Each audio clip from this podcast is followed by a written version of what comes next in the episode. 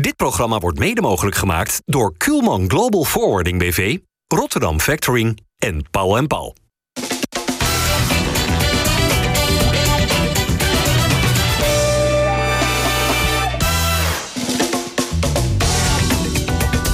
Goedendag dames en heren, hartelijk welkom bij FC Rijnmond. De allereerste van 2023. Natuurlijk namens de sportredactie van Rijnmond de allerbeste wensen toegewenst. En uh, we trappen af met uh, Luigi Bruins. Welkom. Dennis van Eersel is er en Harry van der Laan. Harry, ik zat deze week in een uh, Rotterdamse et etablissement.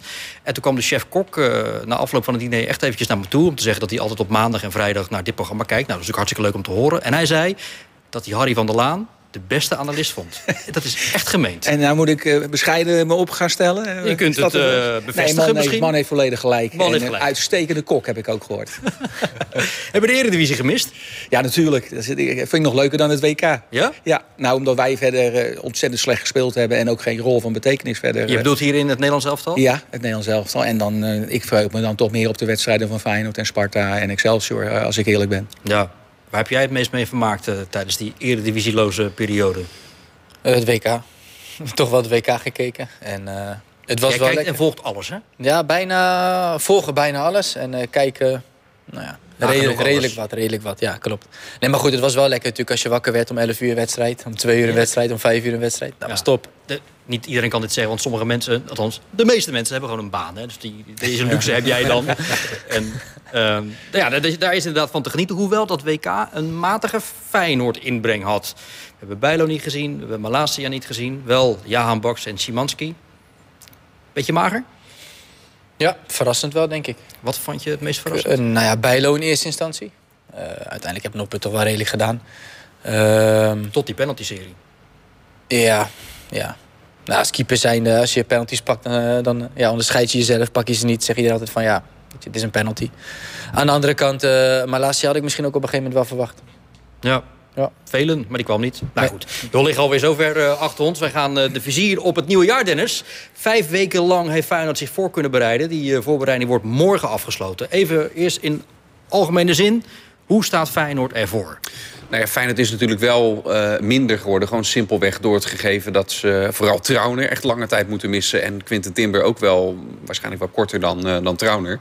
Hoe lang denk je? Hoe lang gaat Trauner niet inzetbaar zijn? Nou, bij Gernot Trauner, en, en dat ver verraste me wel. Want er was gecommuniceerd van sowieso enkele maanden. Uh, maar nu, op de persconferentie van vandaag, werd er zelfs naar gehind van ja de laatste paar wedstrijden van de competitie misschien nog. Uh, als het mee zit, als het tegen zit, zou het wel gewoon sowieso einde seizoen zelfs, zelfs kunnen zijn. Dus uh, ja, laten we hopen dat het dan dus mee zit en niet tegen zit. Want hij is uh, een van de belangrijkste Feyenoorders in dit elftal. Weten wat hij, wat hij nou precies heeft? Of wordt daar uh, nog steeds nou, ja, wel geheimzinnig over niet gedaan? exact, hè, dat heeft met die, die privacywetgeving van een paar jaar te maken. Maar ja, knieblessure, deze periode, 1 in 1 is 2... dan moet je al, al snel aan iets als een kruisband ja. denken. Ja. Kruisband is meer dan acht, negen maanden, toch? Dus ja, dat, dat, kan bijna niet.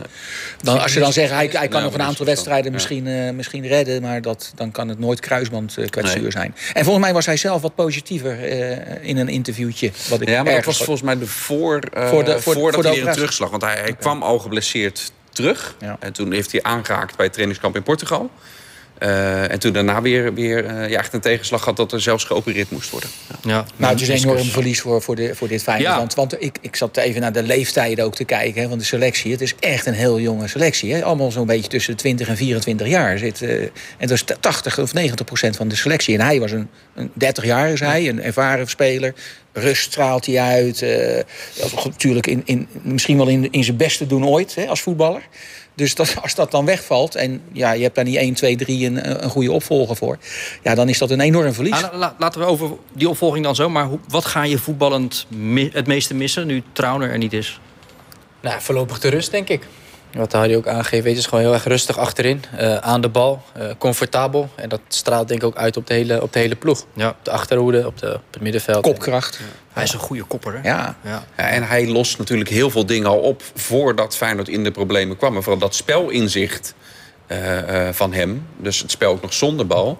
Dat vond ik bij hem heel erg sterk. En ik vind de uitstraling vind ik fijn. Zo iemand achterin die nergens nerveus van wordt. Je ziet hem zelden een, een paniekactie doen. En dat vind ik wel heel fijn als dat achter me staat. Als ik middenvelder of aanvaller ben, dat soort gelui achter me voetballen... krijg ik heel veel vertrouwen van. Mm Ja. Timber is er dus ook niet bij. Voorlopig weten dus nog niet precies hoe lang dat zal zijn. Was ook een basisklant inmiddels. Ja. Speelde alles, hè? Ja. Speelde inderdaad alles. Middenvoetsbeentje. Uh, het is even afwachten hoe lang dat herstel precies duurt. Is bij die blessure ook moeilijk te zeggen hoe lang uh, dat is. Want prognoses uh, bij die blessure uh, ja, die zijn vaak moeilijk te maken... omdat ze heel vaak achteraf niet, niet kloppen. Soms duurt het heel veel langer. Neem Sven van Beek als, als voorbeeld. Want dat was van de ene in het volgende lopend. En soms, soms valt het mee. Dus. Ja. Het is wel de eerste echte tegenslag hè, voor, voor Feyenoord onder slot echt, echt serieuze tegenslag. Jongens die er langere tijd niet bij zijn, die van grote waarde zijn. Dat hebben ze nog niet echt zo meegemaakt als nu, denk ik. Nee, maar het geeft ook weer kans aan andere spelers om op te staan. Wie? En, Wie moet er nou, Als ik dan kijk, je hebt het al gehoord, denk ik bij Timber is natuurlijk de kans voor Mats Wiever op een gegeven moment misschien wel om, uh, om te gaan spelen. Tuurlijk zullen ze gaan kijken of ze, of ze versterkingen kunnen halen. Maar ik denk voor hem op een gegeven moment ook wel een beetje tijd gaat worden om, uh, om lekker wat minuten te gaan maken. Hij is nu niet helemaal fit. Wordt morgen beoordeeld of Wiever wel fit genoeg is voor die wedstrijd tegen FC Utrecht. Maar jij kent hem natuurlijk heel goed. Ja. Vorig jaar nog met hem gespeeld bij ja. Excelsior. Is hij er klaar voor? Um, nou ja, ik denk voor het spel van wat, uh, ja, wat Arne Slot graag speelt. Dus veel lopen, uh, veel meters maken. Dat kan hij als geen ander. Dus uh, technisch is hij gewoon goed. Het enige waar hij wat last van heeft is ja, misschien zijn blessuregevoeligheid. Mm. En dat was bij ons altijd zijn enkel. Zijn enkels. Dus we noemden hem niet voor niks uh, Bambi toen de tijd. Omdat hij, omdat hij best wel makkelijk door zijn enkels ging.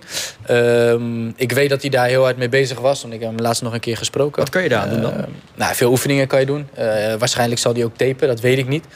maar het ondersteunt wel. Het is niet altijd prettig, maar ja, het ondersteunt wel. Nou, het is wel denk... een slechte eigenschap natuurlijk als je kwetsbaar bent hè, voor blessures. Zeker als je bij Feyenoord, en jij weet ook het verschil tussen bij Excelsior of Feyenoord. Uh, de, de intensiteit met alles is vele malen groter. En de kans op blessures is daardoor ook, neemt ook toe. En als je dan niet helemaal goed in elkaar zit, kan dat toch wel een, uh, een negatieve effect hebben op zijn uh, voetbalcarrière bij Feyenoord, denk ik dan. Maar ja. toch is een enkel, denk ik, anders dan bijvoorbeeld spierblessure gevoelig. Kijk, een enkel kan je natuurlijk altijd intapen, ondersteunen en wat oefeningen doen. Dus dat is best wel, uh, best wel goed weg te nemen, die, ja, die kans dat je door je enkel heen gaat of nog een keer doorheen gaat. En verder denk je dat hij fysiek best wel prima in elkaar steekt. Dus uh, als hij gewoon langzaam gebracht wordt, wat ze denk ik dit jaar best wel met hem doen, moet er gewoon een moment komen nou, dat hij er gaat staan. Het is sowieso een intelligente voetballer. Ja. Vind ik altijd wel fijn hè, dat iemand een beetje spel inzicht en, ja. en, het spelletje een beetje beheerst. En ja. een jonge gozer, dus wat dat betreft uh, prima. Zeker. Alleen hij moet wel meters maken, hè, noem ik het maar. En dat, uh, dat is tot nu toe beperkt gebleven. Nou ja, in de voorbereiding, Dennis, en die heb jij van uh, dichtbij gevolgd. Bijvoorbeeld het trainingskamp in Lagos in Portugal. Hoe, hoe kwam die op je over, Wiever? Nou ja, hij heeft daarbij... Uh, natuurlijk in het begin was hij er uh, nog wel bij. Ook die eerste wedstrijd tegen Straatsburg dat hij dan, uh, dat hij dan meedeed. En het is volgens mij op die training op de donderdag... dat hij ja, toen weer opnieuw tegen, tegen wat klachten aanliep. Dus die afsluitende wedstrijd er ook niet bij. Dus dat heeft hem wel, net als voor dit seizoen... heeft dat hem wel gehinderd. Hè? Ook de twee momenten waarop hij dan het meeste last heeft gehad van een blessure... ja, die komen nooit op een fijn moment. Maar net uh, wanneer je dan aan aanhaakt en, en het voor het echi gaat beginnen, uh, ja. raakt hij geblesseerd. Ja. Oké, okay, nou goed, of Wiever morgen of uh, zondag kan spelen, dat weten we eigenlijk morgen. Timber niet, Trouwner niet, daar gaat een dikke kruis door. De vraag is dus, Dennis, wat is er mogelijk? Als het gaat om versterking. Ja, daarbij hangt het ook nog af. Uh, Wolemark en Pedersen die hebben ook niet alles kunnen trainen. Dus ook nog wat vraagtekens wel, uh, wel erbij of die kunnen spelen. Even, tussen, even een. Hoe kan dit ineens bij Feyenoord allemaal gebeuren? Al deze blessuregevallen in een voetballoze periode? Ja, nu moet ik zeggen, deze laatste paar wil nog niet zeggen dat dat meteen blessures zijn. Dat zijn gewoon wat, wat pijntjes. En ik denk dat bij elke club uh, okay. dat, je dat, dat iemand wel een training overslaat. Dus dat is niet meteen een, een blessure. Um, en ook als je kijkt naar wat de kwetsuren zijn zijn dan. Hè. Luigi geeft net aan enkel bij Wiever is iets anders als, als dat er stelselmatig hamstring of spierblessures ja. zijn. Dan kun je gaan kijken naar trainingsintensiteit. Dat, dat vind ik nu te vroeg bij Feyenoord. Nou, wij wel, ik weet niet hoe dat tegenwoordig gaat. Ik vond die trainingskampen die wij vroeger hadden, vond ik altijd eigenlijk net een tikkeltje te zwaar. Ja. Weet je wel, voor het ontbijt moest je dan al 20 kilometer rennen en dan had je weer een ochtendtraining ja. rust en dan smiddags weer trainen. Ik denk dat je iets overdrijft nu met 20 nee, kilometer ja, of niet? Nou, er werd, uh, nou in, de, in, de, in de jaren uh, heel veel van die lopen dingen zonder bal. Ja. Ontzettend, uh, je werd een soort wordt overbelast. En dan vielen er ook met mensen met bosjes af natuurlijk. Hè, met allerlei spierkwetsuren. En ik weet niet hoe dat nu is. Volgens mij nou, wordt het tegenwoordig met periodisering, dat, dat is wel wat Maar het is wel opvallend wat je nu net zegt. Want jij geeft het ook aan. Dat er zoveel uh, kleine kwetsuren, grote kwetsuren... Uh, je halve, halve selectie valt bijna weg, bij wijze van spreken. Met allerlei toestanden. En daar moet je toch wel, vind ik, voor oppassen. En dat is ook helemaal niet nodig. Je kan heel rustig kan je naar de tweede helft van het seizoen werken. En achteraf misschien toch iets te veel gedaan. Want ik vind echt wel veel namen die niet fit zijn.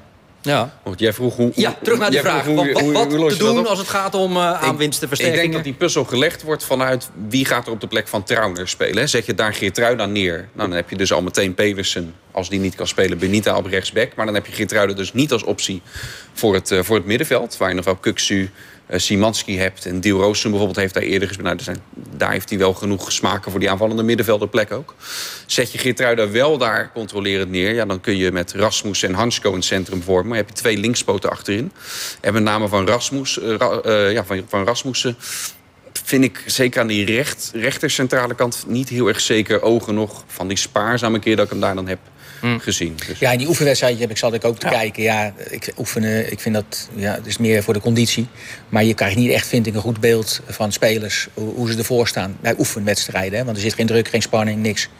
Maar je hebt Geert Truida, wat gewoon een centrale verdediger is. En ik zou altijd toch die zekerheid als coach dan pakken. Van, daar zet ik iemand neer die gewend is, of in ieder geval daar in het verleden veel, veel heeft gespeeld. En Geert Truida heeft de snelheid, heeft uh, toch wel fysiek ook uh, kan hij wat brengen. Ik vind Rasmussen vind ik echt niet goed tot nu toe.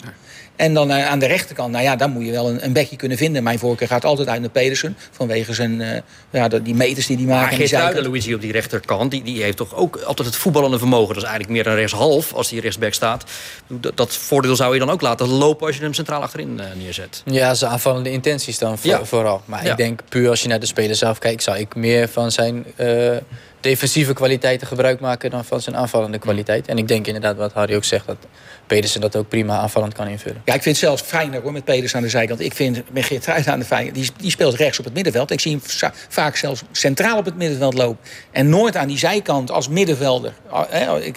Hij, hij start wel als back, maar daarna, zo gauw Feyenoord de bal heeft, duikt hij het middenveld in. En altijd aan de binnenkant, nooit aan de buitenkant. Hm. En ik denk dat de steun voor de rechtsbuiten daardoor ook ontbreekt. Want die moet het echt alleen doen. Nou, hè? Die, als die ingespeeld wordt, wie er ook staat, of het Wallenmark is of een ander, die heeft gelijk of een, en een vent voor zijn neus en vaak ook nog rugdekking. En er is geen afleiding buitenom. En dat heb je met Pedersen wel. Dan krijg je toch veel meer 2 ja. tegen 2. Ja, ja. En dat is veel interessanter. een beetje tegenwoordig met die backs, met die inverted back. En uh, net kijk naar Manchester City. Hoe, wat, voor, wat voor back, uh, Luigi? Wat ja, dat is inverted. Inverted, back? Inverted back. we hebben, geen, gehoord, we hebben geen ondertiteling in deze uitzending, hè? Nee, maar dan gaat de back in plaats van buiten omhoog, gaat hij gaat die binnen door. En dan kan meestal de buitenspeler die dan wat kan inzakken om daar speelbaar te zijn. Maar je ziet bij City is er ook heel veel gebeuren. Met Cancelo die dan gewoon het middenveld induikt. En, uh, daar noem je er ook eventjes een. Heb jij ja. trouwens bewust geen snor, maar wel een grote baard? Of hoe zit uh, dat? Ik vind dat ik een betere baard heb dan een snor. Dus. Ja. Maar je hebt daar geen groei of zo? nou, te weinig. Ja. Ik denk wel, als je hem er weer af zou halen een keer... je hoeft het mij niet te doen... ben je gelijk weer 12 jaar jonger. Nou ja, ik ga, het, uh, ik ga het wel een keer proberen, maar uh, oh. nog niet op korte termijn. Goed, op korte termijn zou het wel lekker zijn dat Feyenoord uh, zich zou kunnen gaan versterken. Is er nou behoefte aan misschien een centrale verdediger... of een, centra of een verdedigende middenvelder? Arne Slot daarover. Een goede spelers vinden is niet zo moeilijk. Goede spelers vinden die je kan betalen. Dat is moeilijk. Dat proces loopt nu. Of dat is niet voor elke club, maar wel voor Feyenoord. En dat proces loopt. En ja, we hopen dat we daar snel iemand in kunnen vinden. Maar als wij we gaan niet een speler halen die we niet goed genoeg vinden, maar die we dan toevallig wel kunnen betalen. Want daar heb je op de lange termijn echt last van. En nou ja, in de anderhalf jaar dat ik er ben, moet je eens kijken hoeveel spelers er afgevloeid zijn. Uh, dus, uh, dus dat betekent dat er in het verleden ook wel spelers gehaald zijn die niet goed genoeg waren voor Feyenoord. Althans niet voor de huidige maatstaf van Feyenoord. Ja, er is één naam die uh, nu behoorlijk circuleert rondom Feyenoord... als het gaat om uh, een nieuwe speler. Dat is Ramis Zerouki, Luigi, van FC Twente. Vind je dat Feyenoord er inderdaad alles aan moet doen om hem te halen? Ik moet je heel eerlijk zeggen dat ik niet heel veel van hem gezien heb. Omdat ik Twente niet heel erg volg. Uh, maar het is wel een international van. Algerije volgens mij. Ja. Dus uh, dat zijn altijd interessante, interessante spelers. Uh, zeker met het oog op de toekomst om eventueel door te kunnen verkopen. Ja, voor de zespositie, hè? voor die verdedigende middenvelder. Een goede speler en hij zou moeiteloos in, in, inpassen hè, bij Feyenoord. Daar ben ik van overtuigd. Maar het is nog altijd... je moet wel een, een soort plafond voor jezelf hebben Qua wat je eraan wil uitbesteden. Ja, Wat, hoe ver wil je gaan? Ze kunnen ook 10 miljoen vragen, bij wijze van spreken. En nou ja, je hoort er gisteren bij Twente al, hoor je ze zeggen... we willen hem echt niet laten gaan. Dan weet je, die prijs gaat dus hoog zijn. zit zo rond de 7 miljoen, dan kan je hem volgens mij ophalen. Ja. En dat is voor Feyenoord een bedrag wat ze niet eerder uit, uit hebben gegeven. Maar zijn ze daartoe bereid, voor, tim, voor Timber. en, en Twente wil, en dat kun je Twente bijna niet eens kwalijk nemen... soortgelijk uh, bedrag voor een van hun bepalende spelers... als Feyenoord het richting Utrecht wel neerlegt. De vraag is alleen, ja, is dat verantwoord voor Feyenoord? In het verleden heeft het niet voor dat soort bedragen... maar wel rondom de 4, 5 of 3 miljoen... heeft Feyenoord natuurlijk spelers gehaald... die uiteindelijk, waarvan werd gezegd... van ja, die gaan dan op termijn voor dubbele of meer dan dat doorverkopen. En dat gebeurde dan uiteindelijk niet. En eh, daar heeft Feyenoord nog steeds eigenlijk nu last van. Mm. De grote vraag dus is met Seruki... ja, inderdaad international en heeft de leeftijd op... je mag verwachten, die gaat zich 24 jaar. Maar ook met, deze, met, met ook de positie op die speelt. Ja, als je er nu al rond de 7 voor neerlegt hoeveel garantie heb je dat je die inderdaad voor 14 of wat dan ook weer gaat doorverkopen? Dus ja, dat is wel iets om over na te denken. Het is net als met huizen. Altijd zeggen ze, nou, we zitten nou wel op een piek. Hè? Maar dan eh, tien jaar later eh, is het gewoon weer het dubbele, bij wijze van spreken. Dus dat blijft wel doorgaan. Nou, die markt die stopt niet. Nu is een speler 5 miljoen. Zo'nzelfde speler is nu 5 miljoen. Over vijf jaar. ik vind het wel verstandig dat Feyenoord leert van het verleden. Want dit is altijd, dit heb ik ook gehoord toen Amrabat kwam. Toen, uh, toen Ayoub kwam. Ik kan een hele lijst opnoemen. En het is vaker niet gebeurd dan wel. Zo eerlijk moet je helaas Twente zijn. is iets anders dan Feyenoord. Dat is, dat is duidelijk. Hè? Feyenoord is een goede club. Goed geleid. Er staan een lekker elftal. Maar het blijft subtop. En dat is een andere beleving, andere druk, andere, ja, andere sfeer hangt eromheen. En, en minder. Uh, en, en als je bij Feyenoord komt, dan sta je iedere dag in de, in de, in de, in de spotlights. Zeker als je een goede speler bent. En dan, uh, dan moet je daar ook mee om kunnen gaan. En, en je krijgt ook echt met concurrentie te maken natuurlijk. Hè. Als alles weer fit is, krijg je ook Seruki met concurrentie. Of het nou Timber is of weet ik veel wie. Dat maakt niet uit. Maar dat is ook weer anders. Hè. Bij Twente zet je hem als eerste op het papier. Ja. En dat is, uh, als je bij Feyenoord, Ajax of PSV speelt, is dat toch even maar anders. Maar is hij het type Arsnes waar Feyenoord nou op zoek is? Dat, dat wel. Oké. Dat, dat denk ik wel, ja. Nou, in, ieder, in ieder geval aan de bal. Hij is echt technisch vaardig. En, ja, het is een defensieve middenveld. Dus om nu die goal eruit te leggen. Maar vorig jaar had hij één zo'n doelpunt.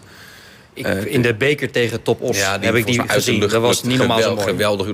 Als je dat kan, dan ben je technisch heel nou ja, Maar of hij niet net zo goed is zoals Uisnes in het spel zonder, zonder bal. Uisnes had dat allebei natuurlijk. Ja, maar Uisnes had ook zijn momenten dat hij uh, geklopt werd in, in zijn rug. Heb ik echt wel regelmatig ook bij hem gezien. Dat, Ga je nou Uisnes downplayen? Ja, nee, helemaal. Nee, nou, bijna geen enkele voetballer is perfect. Maar oh. hij had ook wel eens momenten dat hij in zijn rug werd gepakt. Met een diepgaande mm. middenvelder en zo. Had hij ook best wel veel moeite mee. Luigi, krijgen we bij Feyenoord nu een echte eerste nummer 1 spits in 2023? uh, ik denk het niet. Nee, ik denk het niet. Ik denk dat ze nog steeds niet veel op elkaar uh, toegeven. En uh, je ze eigenlijk beide allebei zou kunnen laten spelen. Ja, wat is dan verstandig? Ook richting de toekomst. Ze allebei volgens mij nog jonge spitsen. Dus ook richting de toekomst, ja, welke keuze ga je maken? Uh, ja, wat is jouw keuze? ja, mijn keuze. Ik heb volgens mij een tijd geleden gezegd, toen startte Danilo, dat ik gewoon Danilo zou laten starten. En zou uh, laten staan ik denk dat je een beetje afhankelijk is van uh, hoe ze de voorbereiding nu tweede seizoensstart hebben gedaan. Ja, Danilo ook wel geblesseerd geweest eventjes ja. tijdens die voorbereiding. Maar goed, ja. die maar ja, ik nu alweer aan de betere hand. Het zegt toch wel ook wel genoeg als je, als je een buitenspeler uh, nu uh, naar binnen haalt. Hè, om regelmatig... Pashao. Pashao om, de, om, die, om het daarmee te proberen. Nou ja, dat is wel dat een was omdat ze allebei wat, ook wat pijntjes hadden... en allebei tegen Emmen niet, niet konden starten. Oké, okay. nou ik dacht dat hij dat al eer, nog een keer deed of dat hij meer, al meerdere ja, keren... Ja, dat was ook tegen, tegen, Straat, in, tegen Straatsburg was dat. Maar ja, toen, was in ieder geval tevreden over, toch? Ja, daar was het tevreden over. En, nou ja, ik, ik vind het altijd wel leuk als het heel bewegelijk... want Danilo en uh, Danilo is wat bewegelijker als, als Jiménez... maar ik vind het wel leuk als alles door elkaar heen beweegt voorin. Hè? Dus de, de, want het zijn allemaal spelers die niet zo erg plaatsgebonden zijn. Hè? Maar, maar ik vind het ook wel prettig om aan de binnenkant vaak te komen en zo. Als dat allemaal door elkaar heen beweegt krijg je ook wel veel variatie. Is lastig te Dynamiek, verdedigen. Ja, ja, ja, Het, het, het, kan werken. En... Nou, nou, nou staat uh, Feyenoord bovenaan. Zeg jou dat iets, die koppositie van dit moment na 14 wedstrijden? Ja, tuurlijk. Ik bedoel, uh, Ajax zit in een hele moeilijke periode. Zaten ze voor de, voor de winterstop. Maar hij heeft Feyenoord nog niet tegen gespeeld, hè? Nee, dat klopt. Uh, Gakpo natuurlijk nu weg bij PSV. Dus dat is ook een enorme aderlating. Nou, bij Feyenoord gaan nu bepalende spelers die, uh, die niet mee kunnen doen. Maar goed, ze staan er wel. En dat zal in ieder geval een heel positief gevoel geven richting de tweede seizoen zelf. Maar wat is een reële fantasie voor een Feyenoord supporter voor de komende tijd? Nou, als je de komende weken goed doorkomt dan ga je gewoon natuurlijk voor de titel spelen. Maar dat is wel even, je moet even goed starten weer. Hè? Want het is best wel lang eruit geweest. De, de winterstop zijn meestal niet zo lang. Bijna twee maanden. Ja, en dat is uh, vrij, vrij lang tegen. En als je nu gewoon met een paar goede resultaten begint. En uh, kijk, ik wil niet zeggen dat je van Ajax wint of zo. Maar als je daar een bijvoorbeeld gelijkspel. Is heel reëel, vind ik, op dit moment. Maar en als je tegen Utrecht een goed resultaat boekt. En dan, dan kom je gelijk weer goed in, in, in de wedstrijd, noem ik het maar. En dan kan je gewoon weer doorgroeien. Zoals je voor, de, voor de winterstop ook. Want voor de winterstop werd er nog niet eens altijd even goed gevoetbald. Hè? Resultaten waren uitstekend. Maar het spel wat hij graag speelt. Hè, de pressie en zo. kwam er heel vaak niet goed uit. Maar het staat, uh, het fundament is goed. Hè, in, de, in de as is het goed. En, en, en dan, dan kan je gewoon ook uh, weinig fouten maken. Hè? Dus, uh, daar, daar, maar volgens mij is het programma wel enorm zwaar. Ja, het is een zwaar ja, nu Ja, aan het dus, eind van deze maand kun je echt wel wat serieuzer ja. kijken... of Feyenoord een gooi inderdaad naar de titel kan doen. Vorig jaar ook deze reeks wedstrijden. En dat is het Feyenoord dat de finale van de Conference League haalde. In deze wedstrijden vijf punten bij elkaar gehaald. Ja, precies. Nou ja, hoe dan ook, op dit moment staat Feyenoord uh, nog bovenaan. Als uh, vanavond de Eredivisie wordt hervat. Maar uh, de vraag aan de supporters is natuurlijk... staat Feyenoord op 28 mei, als de competitie klaar is... dan ook nog bovenaan? Ja, lastig. In principe zou het kunnen, denk ik. Dat denk ik wel, ja. Wie weet. Dat zou wel mooi zijn. Ik uh, denk dat ze dat wel kunnen. Twijfel het. Dat zijn wel toch wel jongens waar uh, ja, het elftal wel een beetje op draait achterin. En die zijn niet 1, 2, 3 te vervangen. En, ja. oh, ik denk wel gewoon dat ze de spelers daarvoor hebben. Ja, ik kan het helemaal niet. De concurrenten hebben natuurlijk ook uh, spelers verloren die, uh, die, ze, die ook weg zijn gegaan. Dus ik denk dat we gewoon kampioen worden. Ja, dat is altijd de vraag. geen woorden maar daden, dus we gaan het zien. Ik denk dat Mats Wiever prima de plek van, van de geblesseerde Timber kan innemen. Ik, mijn focus ligt dan op de rechter centrale verdediger dan om dat erbij te halen. Dat lijkt mij het belangrijkste. Uh, ja, voor Timmer denk ik wel dat ze wel een vervanger moeten halen. Want er zit al best wel krap op het middenveld. Dus ik zou er denk ik wel eentje verhalen. Maar voor Trouwen zitten we denk ik wel gewoon goed voor het uh, Geertruida en Rasmussen. Maar ja, centjes hè. Centjes. En dat is het. Ja, dat moet je altijd in je achterhoofd houden. Vooral omdat nu eentje bij Benfica ook weggaat naar Chelsea. Ben ik toch wel bang uh, dat misschien die uh, dat die misschien ook wel weggaat. Ja, de Kukje moet niet weg. Die, uh, het liefst in de zomer pas. Want anders, uh, anders worden we helemaal geen kampioen. Dat zou je zelf nog centraal Ik kan zelf ook wel meedoen. Uh... Centraal weer achterin gaan staan. Ik denk dat ik wel het schoudersplek op kan vangen dan. Ja, dan moeten we even een sollicitatiebrief naar Arne Slot, motivatiebrief. Ja, dat is wel handig, denk ik. Als jij dan een brief schrijft, dan ga ik zijn e-mail achterhalen en dan fix het, hè? Ja, dat is goed. Nou ja, daarvoor speelt Feyenoord natuurlijk ook gewoon op het hoogste niveau bij de vrouwen. Ik vind het trouwens ook leuk dat gewoon jonge gaan gasten... gaan op trainingskamp naar Spanje, dus misschien kan ze uh, daar aansluiten. Het zou uh, zomaar kunnen. Maar ik vind het ook leuk dat jonge gasten gewoon aan, die, uh, aan het trainingsveld... gewoon al goede dingen over, over voetballen zeggen. Toen ik zo jong was, praat ik echt alleen maar onzin hoor. Als het ging, en trouwens nog Nee, steeds ik- altijd. ja, Ja, ja. nee, ik maak het mezelf even Dennis voordat jij doet. Ja, ik, ik, had, ik, had al heel, ik had toen al heel veel wijsheden, moet ik Ja? eerlijk zeggen. Maar, eh, Had eh, Jens Toornstra lekker bij Feyenoord moeten blijven? Ja, zou je, nu, eh, zou je nu achteraf wel zeggen, nu natuurlijk met de blessure. Maar ik denk, eh, ik geef hem groot gelijk dat hij uiteindelijk gekozen heeft voor, eh, voor meer speelminuten bij, bij Utrecht. Voor iets Ja. meer zekerheid. Nou, ik vond, hem, ik vond het al minder worden hoor. En ik vond dat het jaar daarvoor ook al minder met hem worden. Dus hij heeft zijn- zijn top zat, zat zo'n drie, vier jaar geleden. En toen scoorde hij ook nog regelmatig hè, als middenvelder. Ja, in het kampioensjaar. In het kampioensjaar eh, echt, ja. echt, was hij echt heel goed. Ja, en, eh, en daarna is het langzaam toch wel minder geworden. En dat is heel logisch. En er komt ook meer concurrentie. Het niveau van de selectie is omhoog gegaan de afgelopen jaren. Dus dan word je, je rol wordt anders. Mhm. En dat, die vulde die natuurlijk fantastisch in. Omdat het een echte teamplayer is. En een prettige persoonlijkheid is allemaal perfect. Dus iedereen prima. Maar dat zijn aspecten die je misschien ook in een rol bij Feyenoord best nog wel had kunnen Tuurlijk, nee, Maar binnen daarom, zo'n nee, kleedkamer. daarom, maar ze gunnen het om, om toch weer lekker te gaan Feyenoord voetballen. Had, Feyenoord had hem best wel willen behouden. Hij, hoef- hij hoefde niet weg. Hm. Eh, maar Toornstra wilde dat zelf, omdat hij meer garantie op speeltijd En- wilde en- dan bij en- Feyenoord. En laten we wel zijn, hij had in deze eerste seizoenshelft... met het middenveld wat Feyenoord eh, had... Het is, het is bijna gek dat er nu opeens een, een probleem op het middenveld eh, Ja. eh, is. Want eh, daarin zat Feyenoord misschien nog wel het meest luxe. Nee, maar FC Utrecht is ook, als je niet naar het buitenland dan gaat, hè, want dat had misschien ook wel gekund, dat hij ook ook naar een Japan of, of ergens in de woestijn. Maar hij gaat dan ook nog bij een mooie club in Nederland, Utrecht. Lekker, want hij houdt er volgens mij van om lekker in Nederland te blijven en niet te ver weg. Nou, dan zit je bij een fantastische club, waar ook nog goed betaald wordt natuurlijk. Zeker. En waar hij Dus- natuurlijk ook al een eh, eerder verleden Ja. had. Maar hij gaat dus nu als inmiddels oud Feyenoorder eh, ja, spelen tegen Feyenoord met FC Utrecht. Maar toch ook aan Toornstra zelf is gevraagd... Joh, had je toch achteraf gezien niet moeten blijven in de Kuip? Ja, misschien. Dat weet je natuurlijk nooit. Uh, nu is natuurlijk Timber geblesseerd geraakt. Maar ik, ik denk daar ook uh, verder niet meer over na. De keuze is gemaakt. Ik heb daar ook geen spijt van. En uh, ja, ik heb die hartstikke naar mijn zin. Dus, eigenlijk vanaf het moment dat hij gekomen is...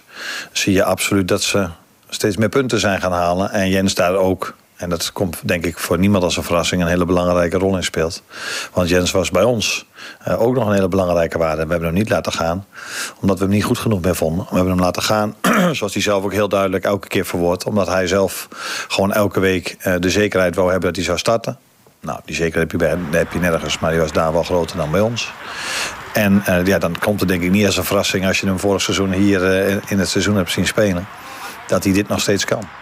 Je hebt eh, pas geleden in een interview ook eh, gezegd dat uh, Arne Slot... Hè, dat was de beste trainer waar je ooit onder hebt gewerkt. Kun je, kun dat dus uitleggen? Nou ja, dat is uh, voetbal inhoudelijk natuurlijk gewoon een heel goed niveau. Maar ook de manier hoe hij met mensen omgaat en met spelers omgaat.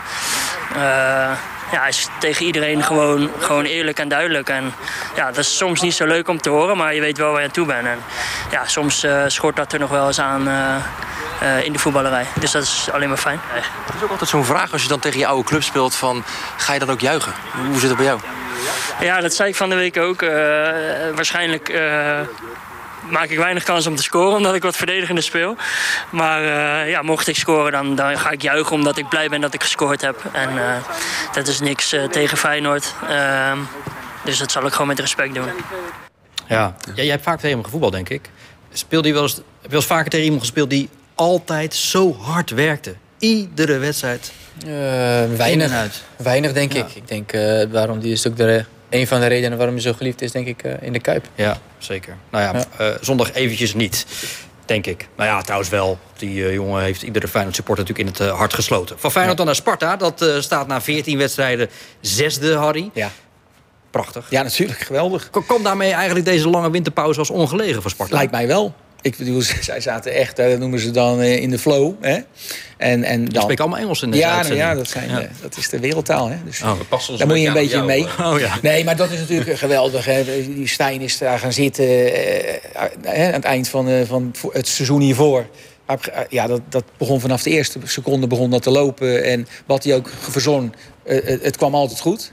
En nu met 24 punten uit 14 wedstrijden is natuurlijk krankzinnig veel. Hè. Dus je bent al klaar hè, wat betreft, je hoeft niet meer naar beneden te kijken. En ze kunnen nu, want er is ook nog een aardig gat met de nummer 9.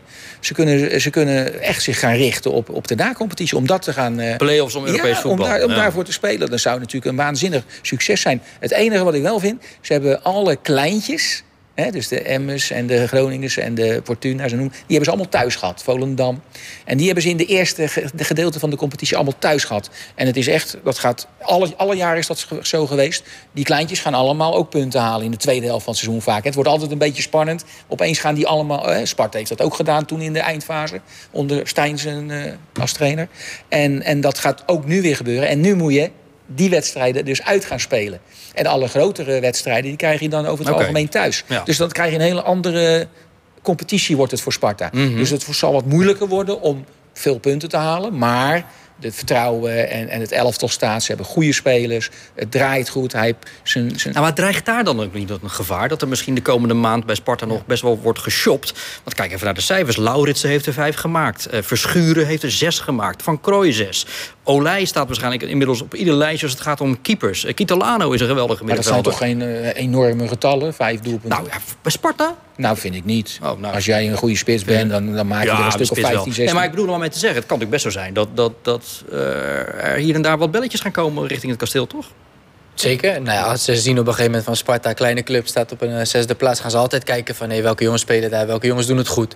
Aan de andere kant, volgens mij is het nog best rustig rondom, ja, rondom Sparta. Is het dus, uh, rustig. Dus dat is positief. Nee. Ze willen er zelfs nog wat bij. Ja, want die Engels is natuurlijk vertrokken. Dus er zal nog een, een, een tweede ja. spits uh, Ja, dat, maar dat, dat, blijf ik een must uh, vinden. Maar dat heb ik uh, in november al ergens gezegd. Maar dat was Waarschijnlijk nog aan deze tafel? Nog voordat, onder andere. Ja. Onder andere nog, maar dat was nog voordat Engels dan ook wegging. Dat ik het wel... kijk, Lauritsen doet het geweldig. maar stel die valt weg dan vind ik het heel erg dun, eh, dun bezaaid. Dus dat vind ik wel echt een risico wat Sparta niet zou moeten Ze hebben al uh, Pedro Alemany gehaald van Mestalla. Dat is van het tweede elftal van uh, Valencia. Maar het lijkt erop dat hij vooral voor volgend seizoen is gehaald. Hij is pas 20 jaar.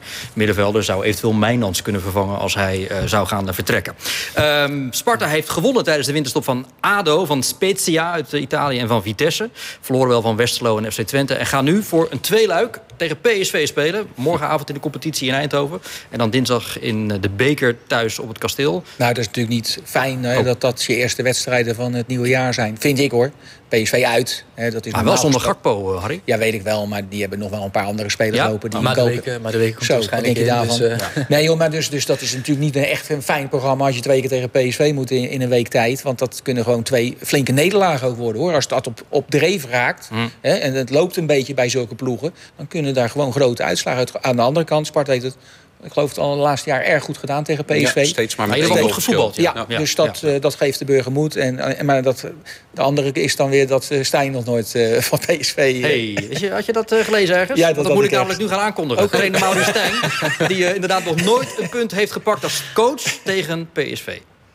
Maar het is inderdaad de enige club in het hele betaald voetbal waarin ik nog geen punten heb gepakt. Uh, Cocu was ook de, eerste, enige trainer waar ik nog niet uh, punten van heb gepakt. Nou, dat hebben we uh, in Arnhem rechtgezet. Dus dit, nou, ik heb in ieder geval twee wedstrijden de kans om daar iets aan te doen. En dan heb je dinsdag nog een bekerpotje. En je zei net, nou, eigenlijk als ik moet kiezen, als ik moet kiezen, liever in de beker winnen. Ja, nou ja, goed, uh, die, keuze werd me net gesteld. En uh, ja, weet je, je wil natuurlijk uh, allebei een goed resultaat hebben. Maar als er, als er echt één wedstrijd is waarin, waarin je van voorhand zegt... nou, als je één van de twee moet winnen, ja, dan het liefst dinsdag. Want dan is de, de, de, kortste weg naar succes. Maar is ook weer extra inkomsten voor de club. En dat is ook niet onbelangrijk. Zeker niet onbelangrijk. We gaan het allemaal zien. morgen om te beginnen. Excelsior, jouw club, Luigi daar zal 2023 maar één doel gelden, denk ik. Handhaving in de eredivisie. Hoe is jouw vertrouwen daarin? Um, Oeh, dit, dit ja. antwoord duurt vrij lang. Nou ja, ze, hebben, ze zijn natuurlijk hartstikke goed begonnen, de competitie. En Ja. het is uiteindelijk natuurlijk wel uh, minder gegaan. En uh, ze staan er nu nog uh, goed voor. Maar ze krijgen ook nog wel een uh, zwaar programma volgens mij. En uh, wat ik wel begrepen is, ze hebben ook wel wat blessures. En uh, ze waren blij dat de winterstop deze keer wat eerder viel. Zodat ze wat langer door konden werken zeg maar, richting die tweede seizoenshelft. Dus ook fysiek gezien stonden ze er misschien niet helemaal top op. Ehm, maar goed, ze hebben nu de tijd gehad om in ieder geval heel veel aan het team eh, te sleutelen en eraan te werken. Ook fysiek, maar ook Waar moest het meest aan gesleuteld worden, vond jij? Ehm, nou ja, ik denk eh, defensief eh, Ja. vooral. Ik denk eh, voorin zeker als, als, als er kan speelt, dan... Genieten, hè, soms. is genieten, ja, inderdaad. En, ehm, maar achterin kregen ze nog wel eens te makkelijk goals tegen. En, eh, Ja, verkeer, ook gewoon verkeerde inspeelpases ja, en zo. ja, er was een fase waarin het natuurlijk achter elkaar aan de lopende Ja. band ging. Dat was op een gegeven moment wel minder geworden. Ze hebben nu die Kikpiri eh, gehaald van Ajax. Die eh, daar niet verder kwam dan jong Ajax. Maar is Ja. ook geloof ik weer geblesseerd Ook nu. Ja, staat ook op het rij, rij- lange lijstje met eh, geblesseerde Ja. spelers. Nou, zal ik, El Jacoubi, ik zag toevallig een interview van El Jacoubi en die zei dan, eh, ja, verdedigen begint, begint voorin. En dat vind ik dan weer wel heel erg slap van hem hoor. Je weet wel, dan geeft hij aan, ja, het ligt niet aan de verdediging, maar het ligt aan het hele elftal. Ja, natuurlijk, dat, dat weten we wel. Maar dat is natuurlijk niet waar geweest in de eerste helft van want ze stonden gewoon ballen binnen te koppen, hè, met hoekschoppen en vrije trappen. En dat is gewoon dat moeten hun, hun moeten hun eh, kopsterk zijn. Zij moeten zorgen dat er niet zomaar vrij ingekopt wordt. Daar hebben, uh, Azarkan heeft daar niks mee te maken hoor. Maar dat eh, even terzijde. Het geeft geen garanties, maar tijdens de winterstop in, in de vele oefenduels die Excelsior heeft gespeeld, zag ik er wel een stijgende lijn in qua hoeveel kansen worden er per wedstrijd weggegeven, hoeveel tegengoals zitten erbij. Goede resultaten geboekt, dat zegt, niet, dat zegt natuurlijk helemaal niets. Maar dat er dat in dat spel of verbetering in zit, dat is, eh, ja, Maar- dat is fijn. Alleen kijk, Excelsior een paar weken geleden zochten ze eigenlijk alleen nog maar een nummer 10. Omdat je alleen maar met Goudmijn en daarachter had je niets. Ja, dat is nu wel veranderd. Nu Ayoub een paar weken, eh Donkor zelfs tot het einde van het seizoen. Piri gaat misschien ook wat langer duren voordat hij inzetbaar is. Dus ja, het is meer dan alleen die nummer 10 positie. Waarbij Excelsior met zeer beperkte middelen... Ja, ik zit net af te vragen, waar gaan ze dat allemaal betalen het dan? gevaar, Al deze het gevaar is wel dat ze hebben weinig scorend vermogen. Hè. Er- bijna niemand kan een goal maken. En, en ze gaan nu de Garkoes kan dat in principe wel, Ah, jawel, oké. maar dat is in de Eredivisie toch weer anders dan in de Eerste Divisie. Dat, dat merkt hij nou ook. En is veel te veel geblesseerd geweest. Hè. Ja. Maar in ieder geval, eh, ze gaan nu het accent toch wat meer op het verdedigen leggen. Want ja, ze, ja, je speelt degradatievoetbal. Ze hebben veel te veel goals tegengekregen. En dat kan wel ten koste nog extra gaan van het aanvallende spel natuurlijk. Hè. Die hebben al moeite om veel, om, om veel goals te maken. Of, of, niet eens veel, om voldoende goals te maken. En als je dan ook nog je accenten gaat leggen op het verdedigen... Ja, dan wordt het toch wel een, een listig, eh, listig karwei hoor. Ben ik bang. Ja? Ja, ik, Ja, ik zie, ik zie het, niet heel erg ik zie het heel somber. van, Ja, maar dat komt wel goed het is seizoen. heel somber, omdat zij in de, in, in, da- in de ja, voor hun kwam de, de winterstop wel eh, hartstikke goed. In Ja. Mhm. tegenstelling dan Sparta, vind ik. Maar ja, als er in die winterstop helemaal verder niks gebeurt, behalve dat mensen wegvallen vanwege blessures. Nou ja, we hoorden Dennis net zeggen, er is wel behoefte dus aan nog Ja. de nodige versterkingen. En of die dan ook allemaal komen, dat, ik. eh, gaan we zien. Een winterstop die daarbij Excelsior ook werd gebruikt... om het contract met uh, Marinus Dijkhuizen met nog eens een eh, seizoen te verlengen. Dus in die zin is er en je stabiliteit. hebt gelukkig één hele zwakke broeder, Volendam. Dat is wel heel fijn. Dat ja, maar dat degradeerde er twee Ja, nee, maar je hebt in ieder geval één al waarvan Ja. je denkt, nou, die gaat echt 18e worden. En dan, dat scheelt alweer een, En Excelsior in die na-competitie, ik eh, Nee, hou maar, er ook niet maar van. dat is altijd zo met Eredivisie. Het is ook niet zeker dat ze natuurlijk eruit gaan vliegen. Helemaal niet. Ik hoop het ook niet. Maar goed, er zijn nog genoeg ploegen die ook daar gaan strijden om die, om die plekjes. Dus wat dat betreft moet je er gewoon voor zorgen dat je er gewoon drie onder je houdt. Ja. En, eh, en eh, dat zal niet makkelijk worden. Eh, zeker niet. Maar even terugkomen wat Harry zei. Ik zou inderdaad ook misschien wel wat meer gaan verdedigen als ik zelfs zijn. Hm. Oké, nou dan zullen ze, kunnen ze zondagmiddag, einde van de middag... Scheidvoetbal wil je Nee, nee, realistisch voetbal eh, van Laan. Lekker, countervoetbal. Lekker countervoetbal. Eind van de middag op de zondag kunnen ze daarmee beginnen. Excelsior thuis tegen FC Groningen. Dat eh, tegenwoordig wordt getraind door een man uit Barendrecht. Dennis van der Ree. Die bij Feyenoord nog uh, videoanalist is uh, geweest. En dat wordt een beetje als een soort van Arne Slot 2 genoemd. Die, die van der Ree. Dus, goed, fijn, dat gaan we allemaal wel zien. Uh, Excelsior dus zondagmiddag bij ons op de radio te volgen. Op diezelfde zondagmiddag speelt Feyenoord. Maar al vroeg op de zondag uit bij uh, FC Utrecht. Bij ons allemaal te volgen. En morgenavond doen we natuurlijk verslag in Eindhoven van PSV tegen Sparta. Luigi Bruins, wel bedankt. Tot een volgende keer. Yes. Succes met Smitshoek ook dankjewel, weer binnenkort. Dankjewel. Dennis van Eersel en Harry van der Laan, jullie ook uh, veel dank. En FC Rijnmond is vanaf nu gewoon weer iedere vrijdag en maandag hier op Rijnmond. Dus graag tot maandag. Dag.